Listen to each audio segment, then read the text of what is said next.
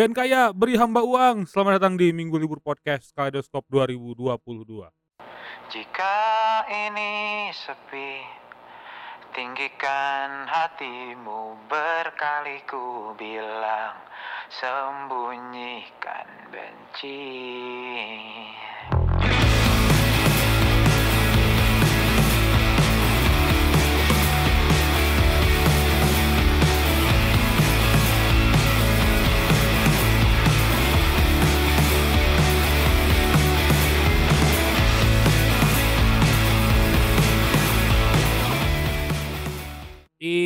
Ini dia eh, seri ketiga ya. eh, sudah sampai di seri ketiga Kaleidoskopnya Minggu Libur, ladies and gentlemen. eh ini membahas tentang 9 album yang menurut saya the best. Jadi eh, the nine finest album picked by Minggu Libur Podcast begitu. Dan eh kali ini eh jadi akan di eh, dibagi dua segmen, empat di awal dan nanti ada eh, lima yang akan saya bahas di segmen kedua nanti.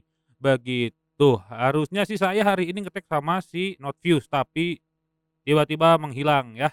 Nggak tahu ke mana nih emang si Notfuse. Jual ngelengit anjing itu budak. Ah, aing mah. Tahu gitu mah ya saya ngerekam sendiri aja ya tadi gitu ya. Eh bingung lagi harus eh, bikin artworknya lagi gitu. Tapi nggak apa-apa lah ya. Eh, nggak apa-apa lah. Nanti juga eh, keluar nanti eh, ngobrol eh, soal permusikan akhir tahun ya gitu ya, soal musik sepanjang akhir tahun ini gitu ya. Musik akhir zaman enggak ding, enggak enggak. Enggak enggak kayak gitu. Enggak enggak kayak gitu anjing. Oke, kita mulai dari apa dulu nih? Kita mulai dari eh, album yang ini eh, dari satu moniker solo ya. Moniker solo bergenre elektronik. Eh, ini sempat juga sempat juga masuk ke Minggu Libur Podcast Topics di bulan apa ya? Antara Juli atau Agustus gue lupa. Agustus kayaknya ya, Agustus. Ini ada Logic Lost yang merilis eh, satu album berjudul Degenerates di tahun ini. Eh menurut gua Degenerates itu ya si apa ya? Ini pas eh, ngobrol sama eh, Dilan ya, Dilan eh, Logic Lost ngobrol sama Dilan di podcast di segmen kedua. Ini lah album yang apa ya? Album yang eh album yang menceritakan ke apa ya?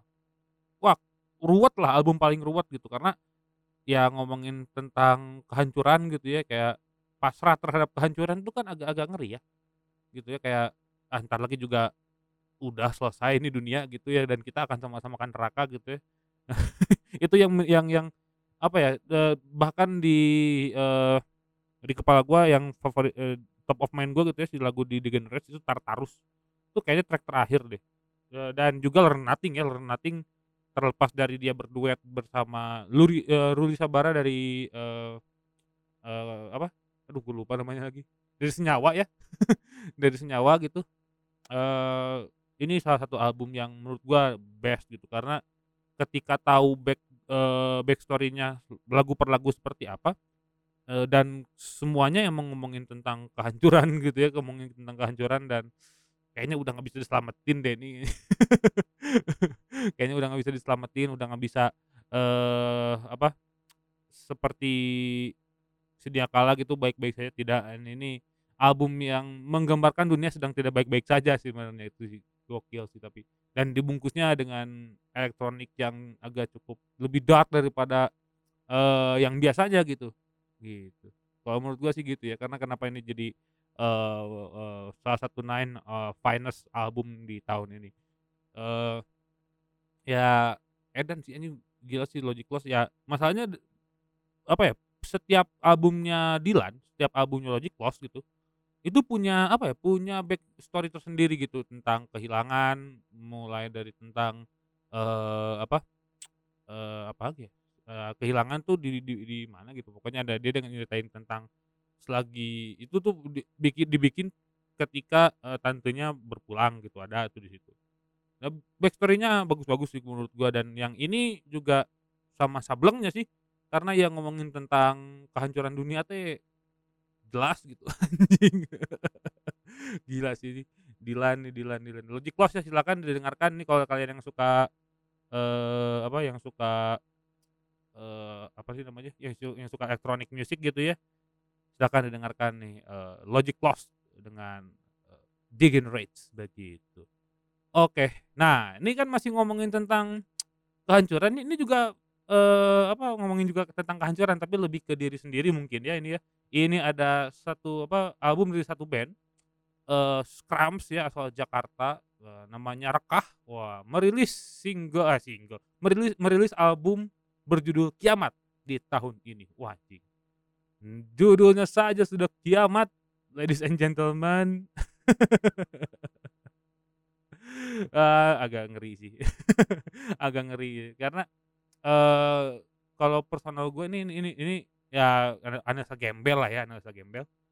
Kiamat ini yang ngomongin tentang kehancuran diri sendiri sih gitu ya.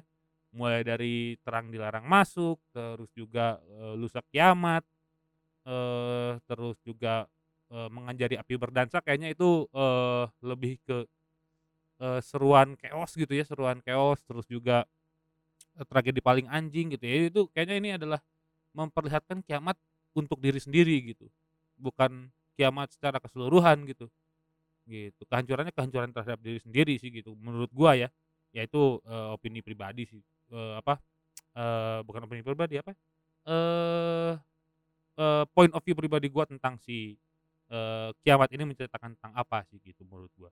Dan, eee, yang paling kerennya lagi adalah konsep dari, eee, lagu per lagunya nyambung. Lagu per lagunya nyambung. Gua suka gitu, gua suka banget gitu, eee, dari eee, dari track per track-nya, eee, terus menerus gitu bahkan di akhir, eee, track itu nyambung ke atas.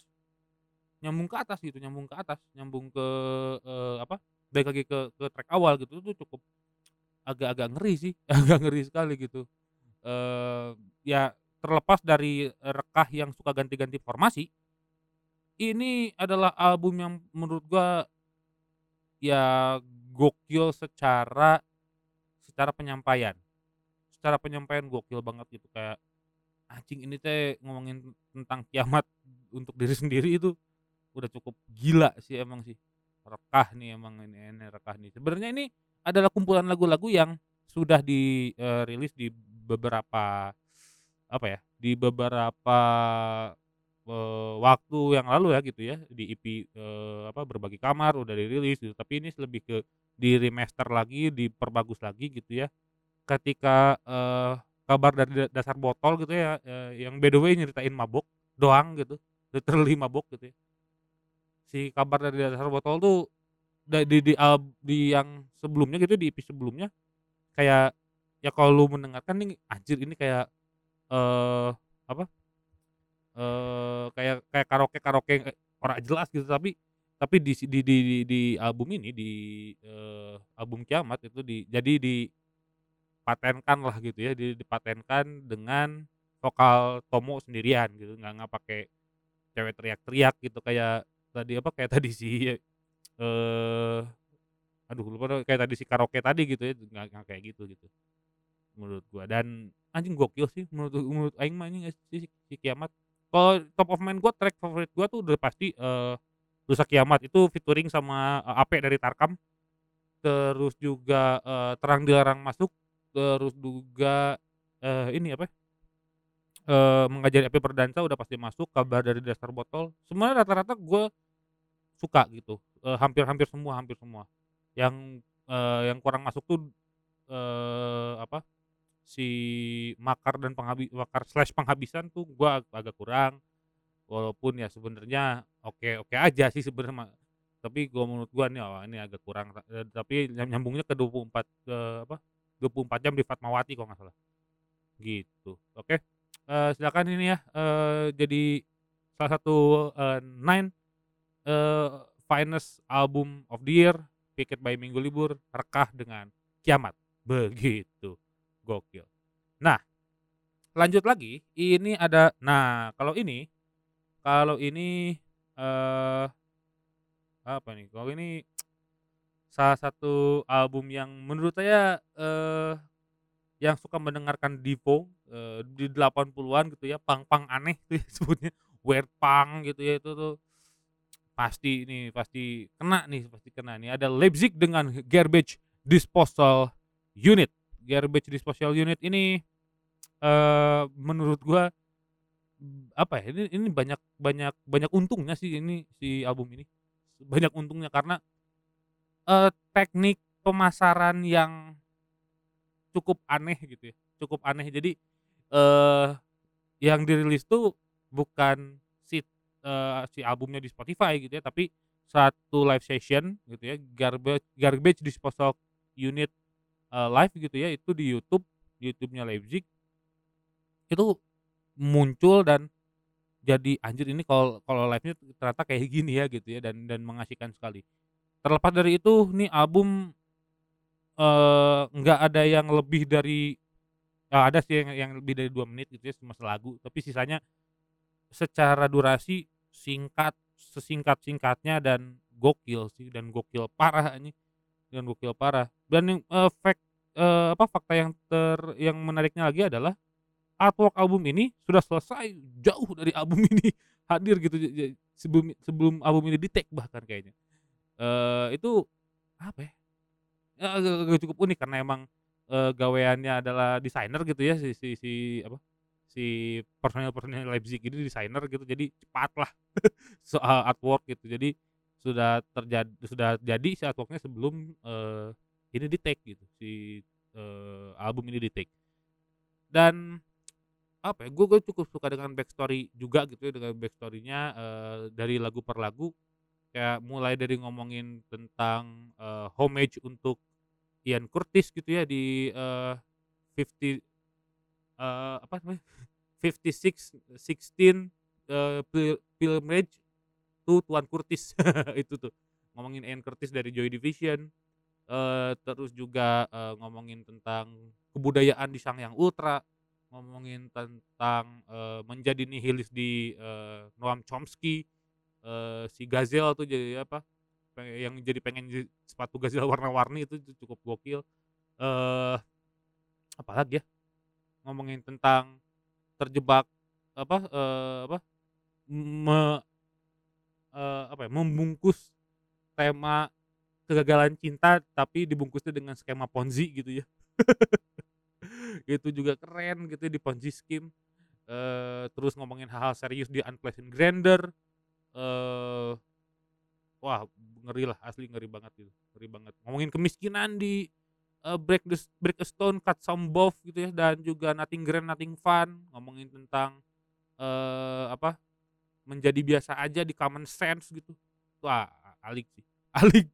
Gila ini mah anjing, emang emang gila emang si Leipzig ini, gitu.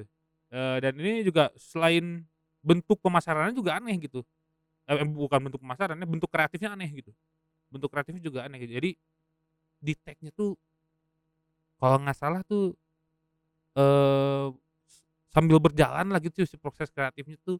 Jadi ketika bagannya udah ada gitu, bagannya sih eh, bu bukan bukan ada bukan udah ada ya, ba bagannya belum ada tapi ya emang dibikin saat itu juga dan works gitu anjing. Tapi ya, eee, kembali lagi kalau lu dengerin si Leipzig sama gua, eee, sama si Minggu Libur gitu ya, di di Minggu Libur Podcast Topics, itu, eee, tidak ya udah diwanti-wanti tidak akan works di band lain gitu.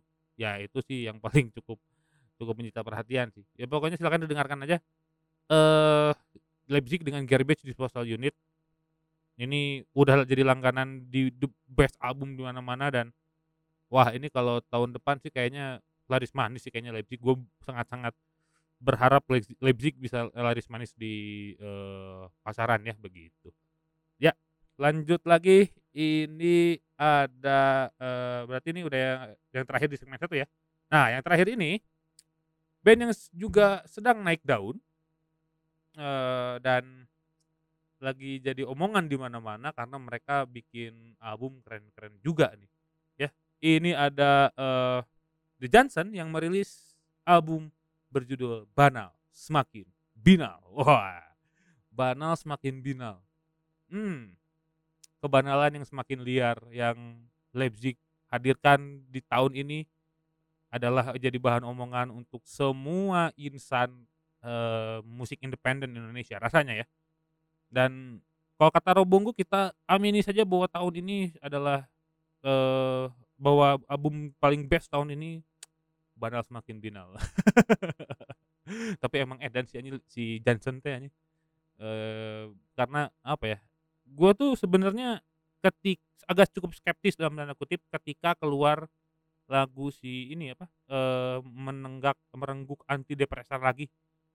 Eee, gua itu sangat-sangat skeptis karena karena si gue yang denger Johnson yang sebelum-sebelumnya chaos gitu, tiba-tiba keluar yang, eee, merengguk antidepresan lagi tuh, oh kok kayak agak sedikit melamban ya, tapi ternyata eh ternyata nih, ternyata eh ternyata ini adalah mid tempo yang, eee, mid tempo punk yang mereka idam-idamkan gitu. Gila sih menurut gua. Karena pas keluar, mmm, lagu-lagu lainnya kayak Dua Bilah Mata Pedang, terus Sore di Kebun Raya, Aku Bukan Mesin Bateraimu, eee, terus Kau Adalah Pemeran Utama di Sebuah Opera gitu. Itu ya ini ternyata, eee, gua salah gitu, gua gua salah sangka ternyata, oh ini ternyata yang dicari-cari sama sama Johnson tuh ini gitu, yang dicari-cari sama Johnson tuh ini. Ini adalah apa ya, mid tempo 70s mid tempo punk yang, eee, mereka idam-idamkan gitu. Dan keren sih anjing, keren parah anjing. Wah gila sih. Itu udah udah keluar, "Masa-masa naik bis kota." Itu line yang cukup cukup apa ya, cukup cukup nge-hook. Sama irama kehidupanmu sedang kacau, itu hook banget. Makanya di di di kalau di apa, headline gua tuh, lagunya Johnson di album ini tuh, Kau Pemeran Utama di Sebuah Opera tuh, wah gokil gitu. Sama Dua Bilah Mata Pedang lah ya, itu karena, eee, saya salut banget sama Aduy. Main hi-hat-nya, uh, kalau live tuh, mmm, si kenceng bener si kenceng bener udah kayak encek. Asli anjing kalau live nonton apa, eee, Dua Bilah Mata Pedang gitu kayak nguleknya tuh, wah luar biasa sih, ngulek si, eee, apa, si hi-hat-nya tuh edan anjing, Aduy, mantap sekali pokoknya Pak Aduy. Edan edan edan.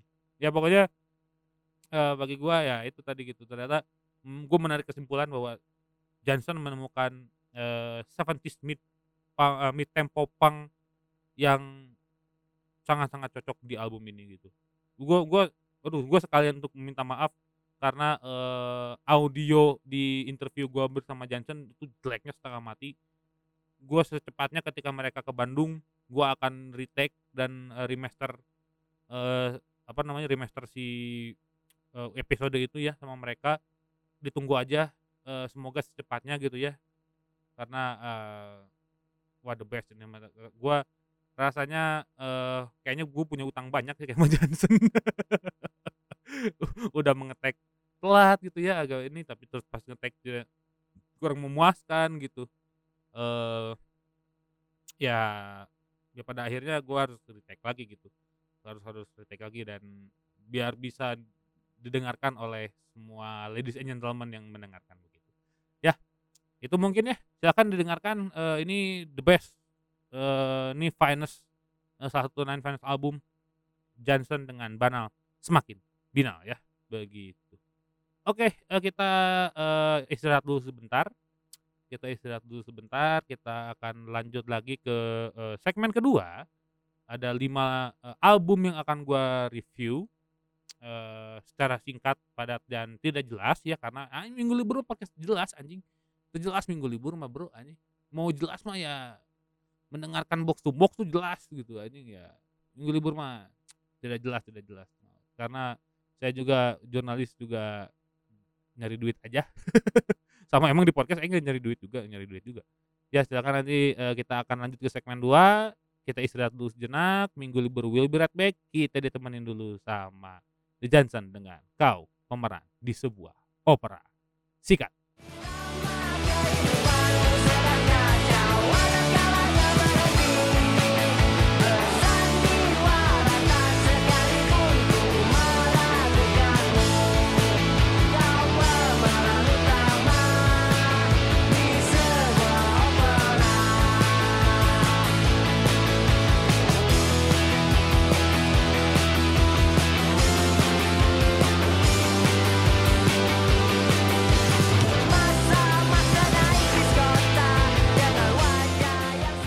Iya, masih di minggu libur podcast Kaleidoskop 2022, The Nine Finest Album Picked by Minggu Libur.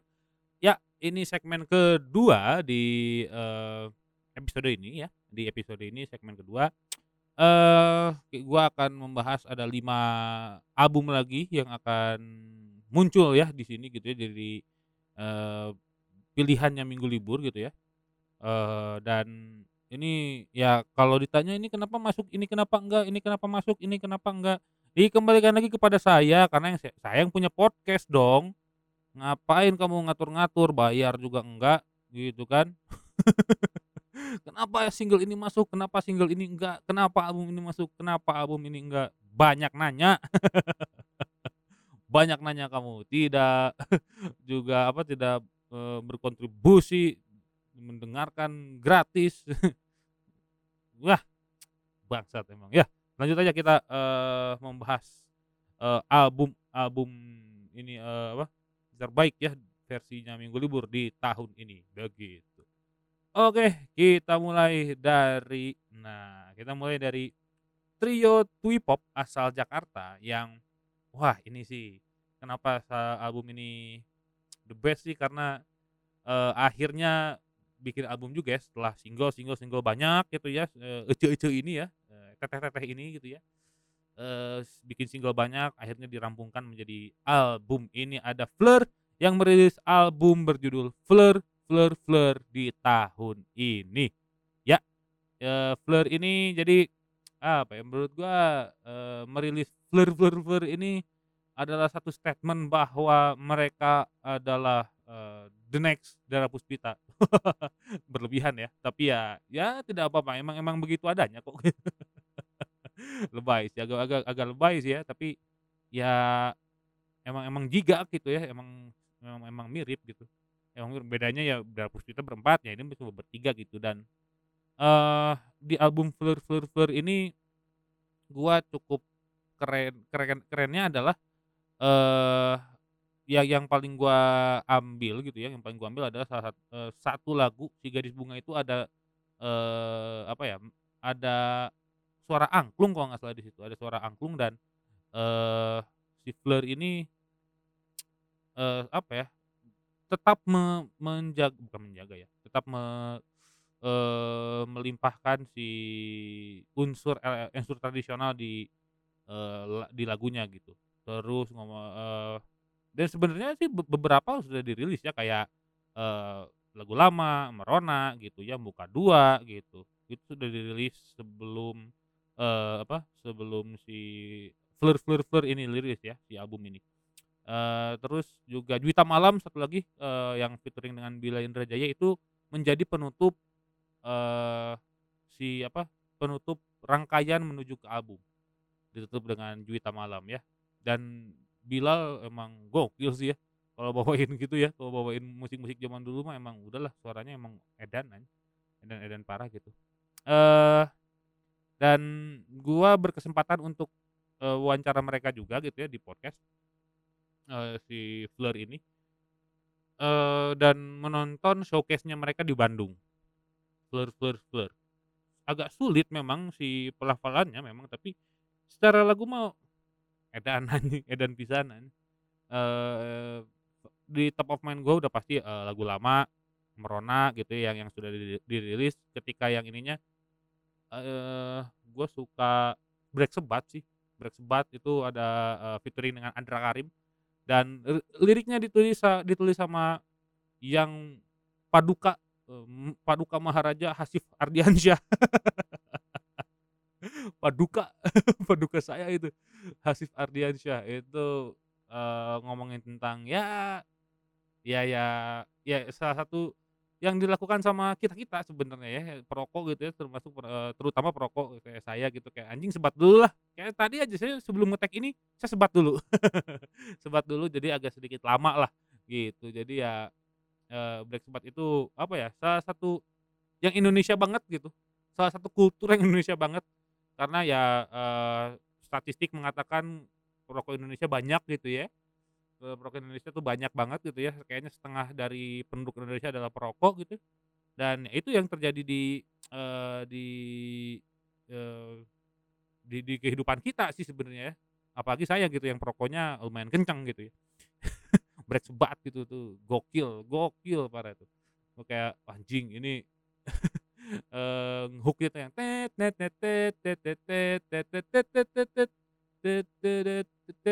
wah itu bagus bagus banget bagus banget itu itu tuh, jadi hook yang menurut gua ketika diulang-ulang enak gitu. Ini selain Maybe Baby ini hook-nya juga oke gitu lagunya.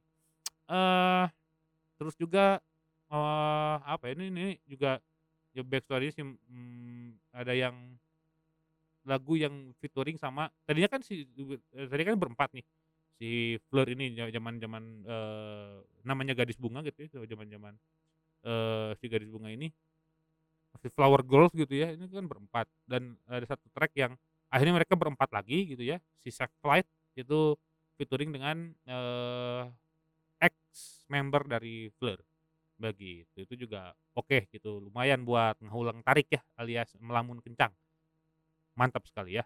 Silakan didengarkan Fleur dengan Fleur Fleur Fleur, salah satu album yang cukup finest di tahun ini ya, dari 9 begitu. Oke, eee, lanjut lagi, ini ada eee, bentar, gue sambil sambil lihat contekan nih gua.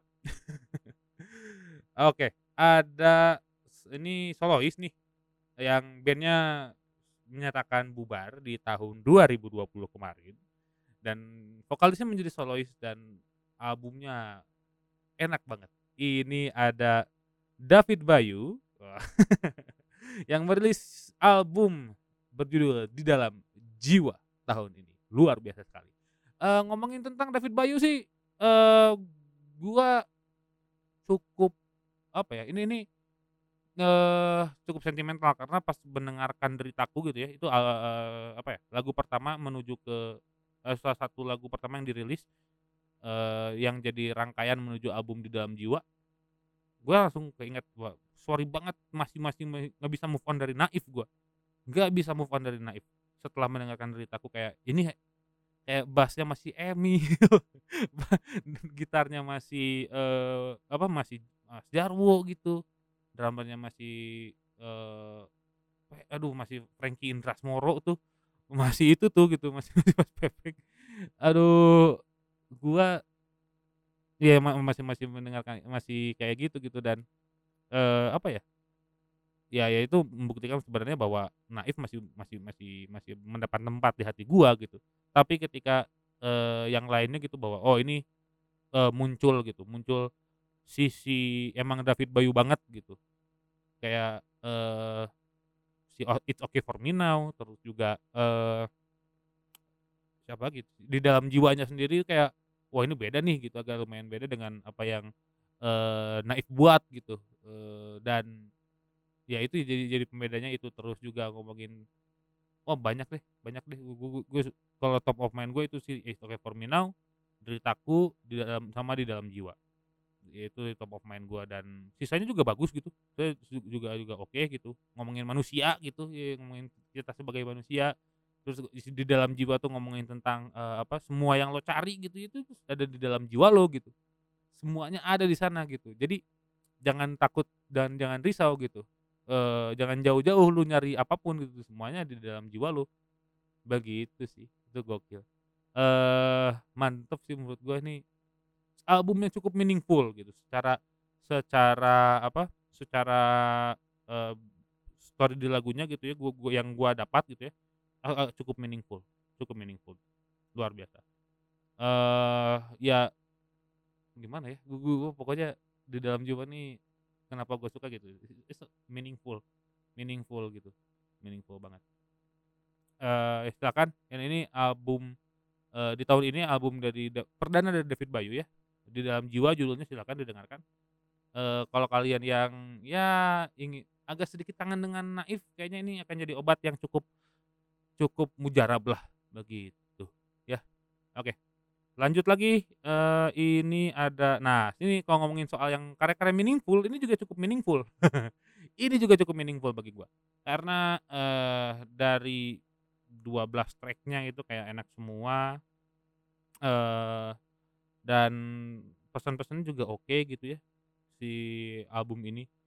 Dan wah band ini saya sangat-sangat mendengarkan sampai sekarang dan ini ada juga tahunnya band ini gitu ya, tahunnya band ini, begitu. Ini adalah Perunggu yang merilis album perdana mereka berjudul Memorandum di tahun ini. Luar biasa sekali. Bapak Maul, Bapak Adam, dan Bapak Ildo, trio yang sering kayak dikaitkan dengan Patrio. Gara-gara Notius anjing si eta pada aya we kayak, eee, celahna teh anjing jadi ngelaba anjing goblok pisan anjing. Bener tuh ini This is Perunggu di bawahnya Mas Eko Patrio, Mas Parto, dan Mas Akri anjing. Emang bangsat. Tapi ini, eee, album yang sama meaningful-nya mungkin sama di tahun ini album meaningful, eee, dari Perunggu dan juga kalau menurut gue ya dari Perunggu dan juga si David Bayu ya tadi. Kalau Perunggu dari berapa track ini enak semua nih, 12 atau 11 ya, gue lupa nih. Sambil liatin Spotify kali ya, sambil liatin Spotify.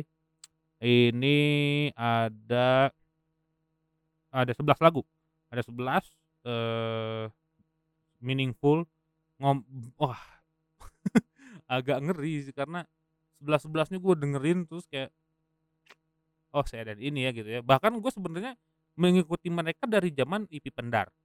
IP Pendar tuh gue gara-gara gue gara-gara gue nonton Sun Chamber dari Sun Eater tuh. Gue nonton Sun Chamber. Nah, eee agak gila sih ini tapi ini. Gila gila parah gila parah sih. Eee, karena kenapa meaningful karena dari lagu per lagunya, eee, punya cerita masing-masing gitu kayak Ini Abadi ngomongin tentang LDR seorang pasutri ya, pasangan suami istri, eee, yang di Jakarta dan Bandung gitu ya kayak, eee, Senin Jumat Jakarta, Sabtu Minggu Bandung gitu, tapi ya harus meninggalkan seorang istri di rumah gitu. Terus ngomongin tentang kehilangan di Kalibata 2012 juga itu, eee, cukup personal karena ngomongin tentang salah satu anggota keluarga dari personil yang berpulang gitu ya. Terus juga, eee, Haru Paling Biru juga, eee, canggih yang, eee, apa ya, lagu yang sangat meng lagu untuk mengagumi seseorang gitu ya dalam segi skill musik gitu. Kayak gue pengen nih jadi orang ini gitu. Dan juga gitu ya untuk dan yang mendengarkan kayaknya lagu ini juga, eee, jadi apa ya, jadi bentuk kagumnya pendengarnya Perunggu, Bronzer gitu ya, terhadap si Perunggunya itu sendiri gitu. Jadi ada apa ya, jadi timbal balik lah gitu ya, ada ada timbal baliknya ternyata gitu. Gila sih terus, eee, ngomongin tentang kedekatan anak dan orang tua di Pastikan Riuh Akhiri Malamu. Itu edan banget video klipnya juga membuat, eee, banjir ya.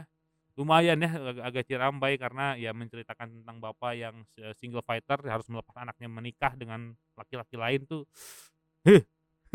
nggak kebayang gua itu terjadi sama bokap gua karena adek gua kan cowok cewek tuh, terjadi sama bokap gua atau gua mungkin yang, eee, apa, eee, gua mungkin yang punya anak cewek nanti ketika gua udah gede di apa, eee, di di dipinang sama cowok gitu ya, sama cowoknya gitu, waduh belum belum kebayang gue, belum kebayang gitu. Terus, eee, eee, apa, Biang Lara yang ngomongin tentang kesedihan yang di digambarkan seperti biang lala gitu ya, berputar terus gitu.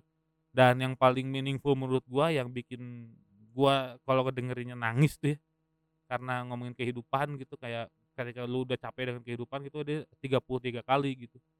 Ini menurut gua 33 kali itu apa ya, lagu paling meaningful dan di di lagu di album ini ya, lagu paling meaningful dan refleksi banget terhadap gua. Sangat sangat sangat sangat sangat sangat reflections banget, reflection sere sereflection itu gitu. Edan sih. Kayak, eee, apa ya, kayak kalem Bro gitu, kayak secapek-capeknya hidup lu, lu masih punya Tuhan buat disembah gitu. Lu masih punya, eee eee, Tuhan untuk disebut gitu ya. Kayak ya itu itu sebutlah namanya, eee eee, apa, tetap di jalannya setelah kau mengingat gitu kan, itu kayak iya sih kayak secapek-capeknya lu gitu, kayak se se se se-fucking shit kehidupannya lu masih masih masih ada Tuhan gitu. Agak edan, terus juga, eee, di di akhirnya juga itu jadi hook yang menurut gua nggak boleh nyerah gitu nih anjing, kayak terus berenang, lanjut mendaki gitu. Terus berulang-ulang sampai akhir, sampai selesai. Edan sih. Gila an 33 kali gitu dan dan memorandumnya gitu. Gitu. Satu album enak semua anjing, ini mah.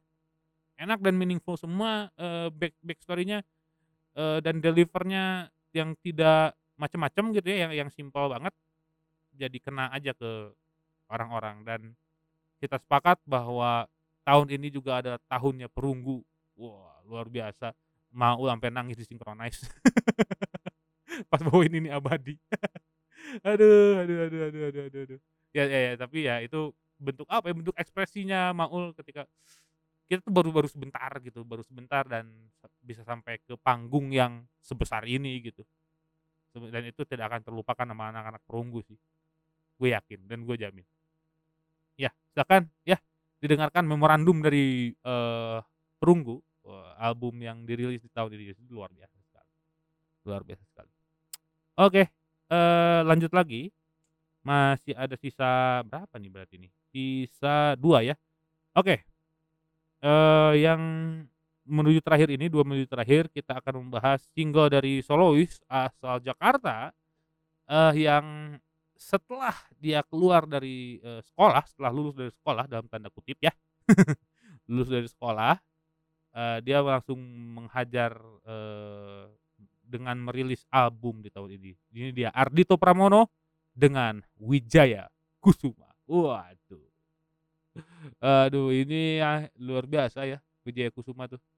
Gua gua tuh ngomongin, eee, apa ya, Ardhito di yang sekarang gitu ya.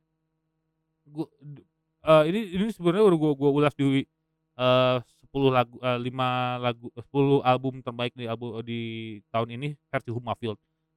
Sebenarnya gu gua udah ngomongin ini. Album ini tuh adalah album yang sangat-sangat terpapar dengan, eee, 80s city pop gitu ya, pop kreatif 80-an gitu. Eee, ya gua kayak mene pas Wijaya Kusuma keluar gua kayak, "Anjir ini Chrisye bersama dengan, eee, Eros Djarot dan Guru Soekarnoputra," gitu, ketika ini keluar. Tapi kembali lagi album ini tuh tidak melepas sisi crooner-nya Ard Ardhito, enggak. Enggak sama sekali. Lu dengerin Rasa-rasanya, Asmara itu luar biasa karena itu ngomongin anaknya dan enak banget itu. Terus Berdikari itu masih masih masih, eee, still crooner gitu, still Harry Connick Jr, still Michael Bublé, itu masih kayak gitu gitu, masih kayak gitu. Walaupun ada beberapa lagu yang kayak Kesan Pertama, terus kayak 2 Jam itu udah kental banget, Daun Surgawi itu kayak this is 80s 80s things gitu, eee, 80s city pop things banget gitu. Tapi tidak mengurangi sisi crooner-nya Ardhito sih. Tetap Ardhito is a crooner singer, selesai, gitu. Di, eee, pembuktiannya tuh di apa, di yang tadi gitu, eee, Asmara, terus Berdikari dan juga, eee, apa, eee, Asmara, Berdikari, sama Rasa-rasanya, begitu. Itu menurut gua tuh edan parah sih Ardhito setelah keluar dalam tanda dalam tanda kutip "sekolah" gitu ya, lulus dari sekolah itu. Oh ternyata, eee, apa ya, ada ada sedikit pembaruan, ada sedikit yang fresh dari Ardhito gitu ya. Tidak hanya, eee, crooner aja tapi mulai menggeser, mulai me mulai merambah ke ranah, eee, pop kreatif gitu. Gokil lah gitu ya. Asli ini mah, eee, harus patut didengarkan sih Ardhito tuh. Gila sih, gila gila banget. Ketika, eee, udah crooner masa crooner bangetnya gitu ya di, eee, apa, di Bitter Love dan segala macam, terus di album yang kedua eee, Craziest Thing Happened in My Backyard gitu ya, itu juga masih masih ada sedikit crooner-nya gitu. Tapi ketika, eee, apa, ketika si Wijaya Kusuma dia memasukkan unsur-unsur pop kreatif 80-an yang, eee, cukup oke, begitu, ya. Oke, itu silakan aja didengarkan, eee, Wijaya Kusuma dari Ardhito Pramono, albumnya Ardhito di tahun ini, begitu. Oke, ini adalah album terakhir yang akan gua bahas. Album terakhir ini, eee, ini tuh apa ya, cara seseorang bercanda tapi diseriusin gitu. Diseriuskeun bercandana gitu, akhirnya di caranya diseriusin. Ini ada, eee, Danila yang merilis album ke berapa, be album ketiga ya di tahun ini, berjudul Pop Seblay. Pop Seblay. Pop Supply. Ini ada ya gitu, kenapa gue ngomongin ini adalah cara bercanda seseorang yang diseriusin, ini tuh cara ber bercandanya Cici gitu. Cara bertanya se bercandanya seorang Cici Danila gitu. Kayak gini kalau mau bercanda gitu sama gua dan dan lagunya sebenarnya lucu-lucu banget itu, lucu-lucu banget, eee, kayak dari penamaan aja udah lucu, Q gitu ya, ngomongin soal ya, eee, apa, ngomongin, eee, kehidupan gitu, ngomongin kehidupan percintaan yang nggak tahu ya, sebenarnya agak aneh banget ini Q. Terus juga ngomongin tentang sepatu baru gitu ya, sampai sepatu baru ya, itu judulnya "Di Mana", itu ngomongin sepatu baru dan fun fact-nya adalah itu yang, eee, kalau dengerin si Di Mana gitu ya, itu yang jadi pengisi suara laki-lakinya adalah Bob Chow alias Bobby Mandela dari BKR ya, dari podcast BKR. Itu gokil, lucu banget itu. Asli lucu pisan anjing, lucu pisan. Terus juga dia ngebahas kucing itu, eee, 3 track, Di Balik Selimut, VLD-1, VLD-1 itu yang featuring sama Teddy Aditya, sama, eee, Bukan Otomata. Bukan Otomata itu ngomongin soal penyiksaan hewan ya, tapi, eee, kayaknya ini mengerucut ke kucing gitu, kayak ini agak agak agak sedikit serius gitu ya, agak sedikit serius, eee, ngomongin soal penyiksaan hewan gitu ya. Karena, eee, apa namanya, di di dia dia di liriknya pun kayak, "Aduh Mak, eee, sudah terlanjur basah, aduh Mak, jahatnya luar biasa," gitu, kayak orang-orang tuh jahat banget ya sama, eee, hewan gitu ya. Padahal di dia juga bukan otomata gitu, bukan dia punya rasa tersendiri gitu. Begitu sih menurut gua dan Cici deserve that gitu. Gitu sih menurut gua. Mantap lah nih, eee, si, eee, apa, Danila gitu ya, Pop Supply, bahkan si Supply-nya aja kan itu dari Fluxcube ya by the way itu. Itu Fluxcube ya, kalau kalian nonton Fluxcube pasti kalian tahu itu monyet Supply gitu ya, dan ini di diambil si Supply-nya dijadikan, eee, judul album ketiga Danila di tahun ini, judulnya Pop Supply, gitu ya. Jadi ya ini Danila as a apa ya, as comedian gitu ya, as komedi ini nih ini album komedi menurut gua. Ini album komedi karena lucu-lucu banget gitu, lucu-lucu banget ketika telisik, itu adalah sebenarnya album lava dengan medium Danila ya. Terus, eee, Danila yang serius dan sebenar-benarnya itu di lintasan waktu, s Danila yang bercanda itu di Pop Supply, gitu. Gokil gitu, kayak sehari-harinya Danila yang, eee, haha hihi, nah Pop Supply. Terus juga, eee eee, sebelum gua ada lupa satu track, eee, judulnya Dalam Nirvana. Sebenarnya kalau gua tuh, aduh gua gua gua kalau ngomongin Dalam Nirvana, gua jadi kangen satu, eee, proyekan namanya Suave, itu proyekannya Aldi Nada Permana dan juga Lava Pratomo. Eee, dia, eee, si Suave ini genrenya crossover jazz.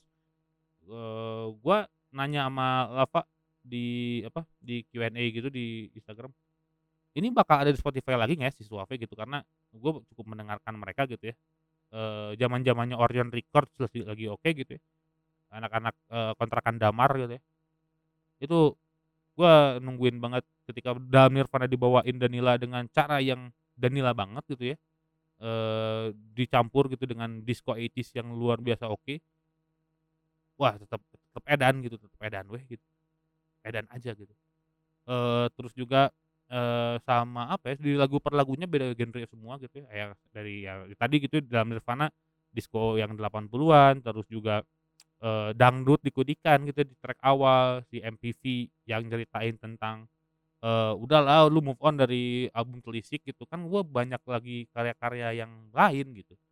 Itu yang agak sedikit slow gitu ya, eee, terus juga, eee, Di Mana juga sama juga itu 80-an juga, tapi lebih ke yang agak sedikit new wave gitu ya, agak sedikit soul gitu ya di 80-an. Kayak Sade lah, kayak kayak Sade gitu. Ini kayak gitu gitu, genrenya variatif gitu di album ini, begitu.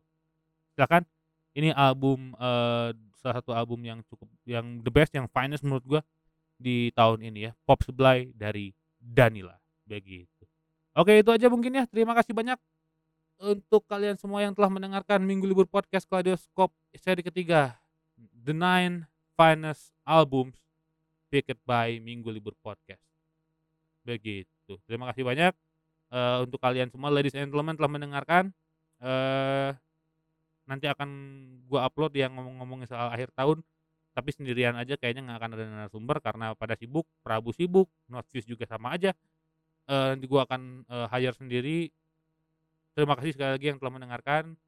Eee, Minggu Libur pamit, tapi sebelum pamit jangan lupa untuk mem-follow sosial media @minggulibur.podcast di Instagram, eee, terus juga, eee, at, eee, Twitter MGLBR dan juga, eee, apalagi ya? Oh, TikTok di Minggu Libur Minggu Libur Podcast underscore.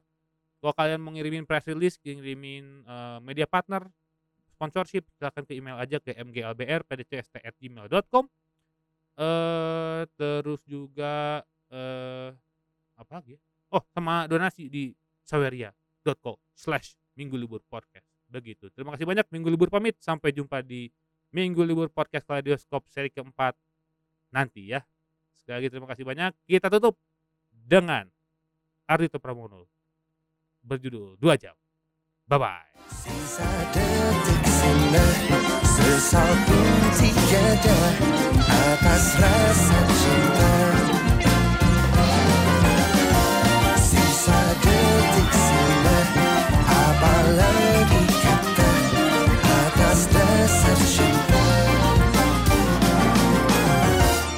Sisa detik sinar Tak perlu ditanya atas kata cinta.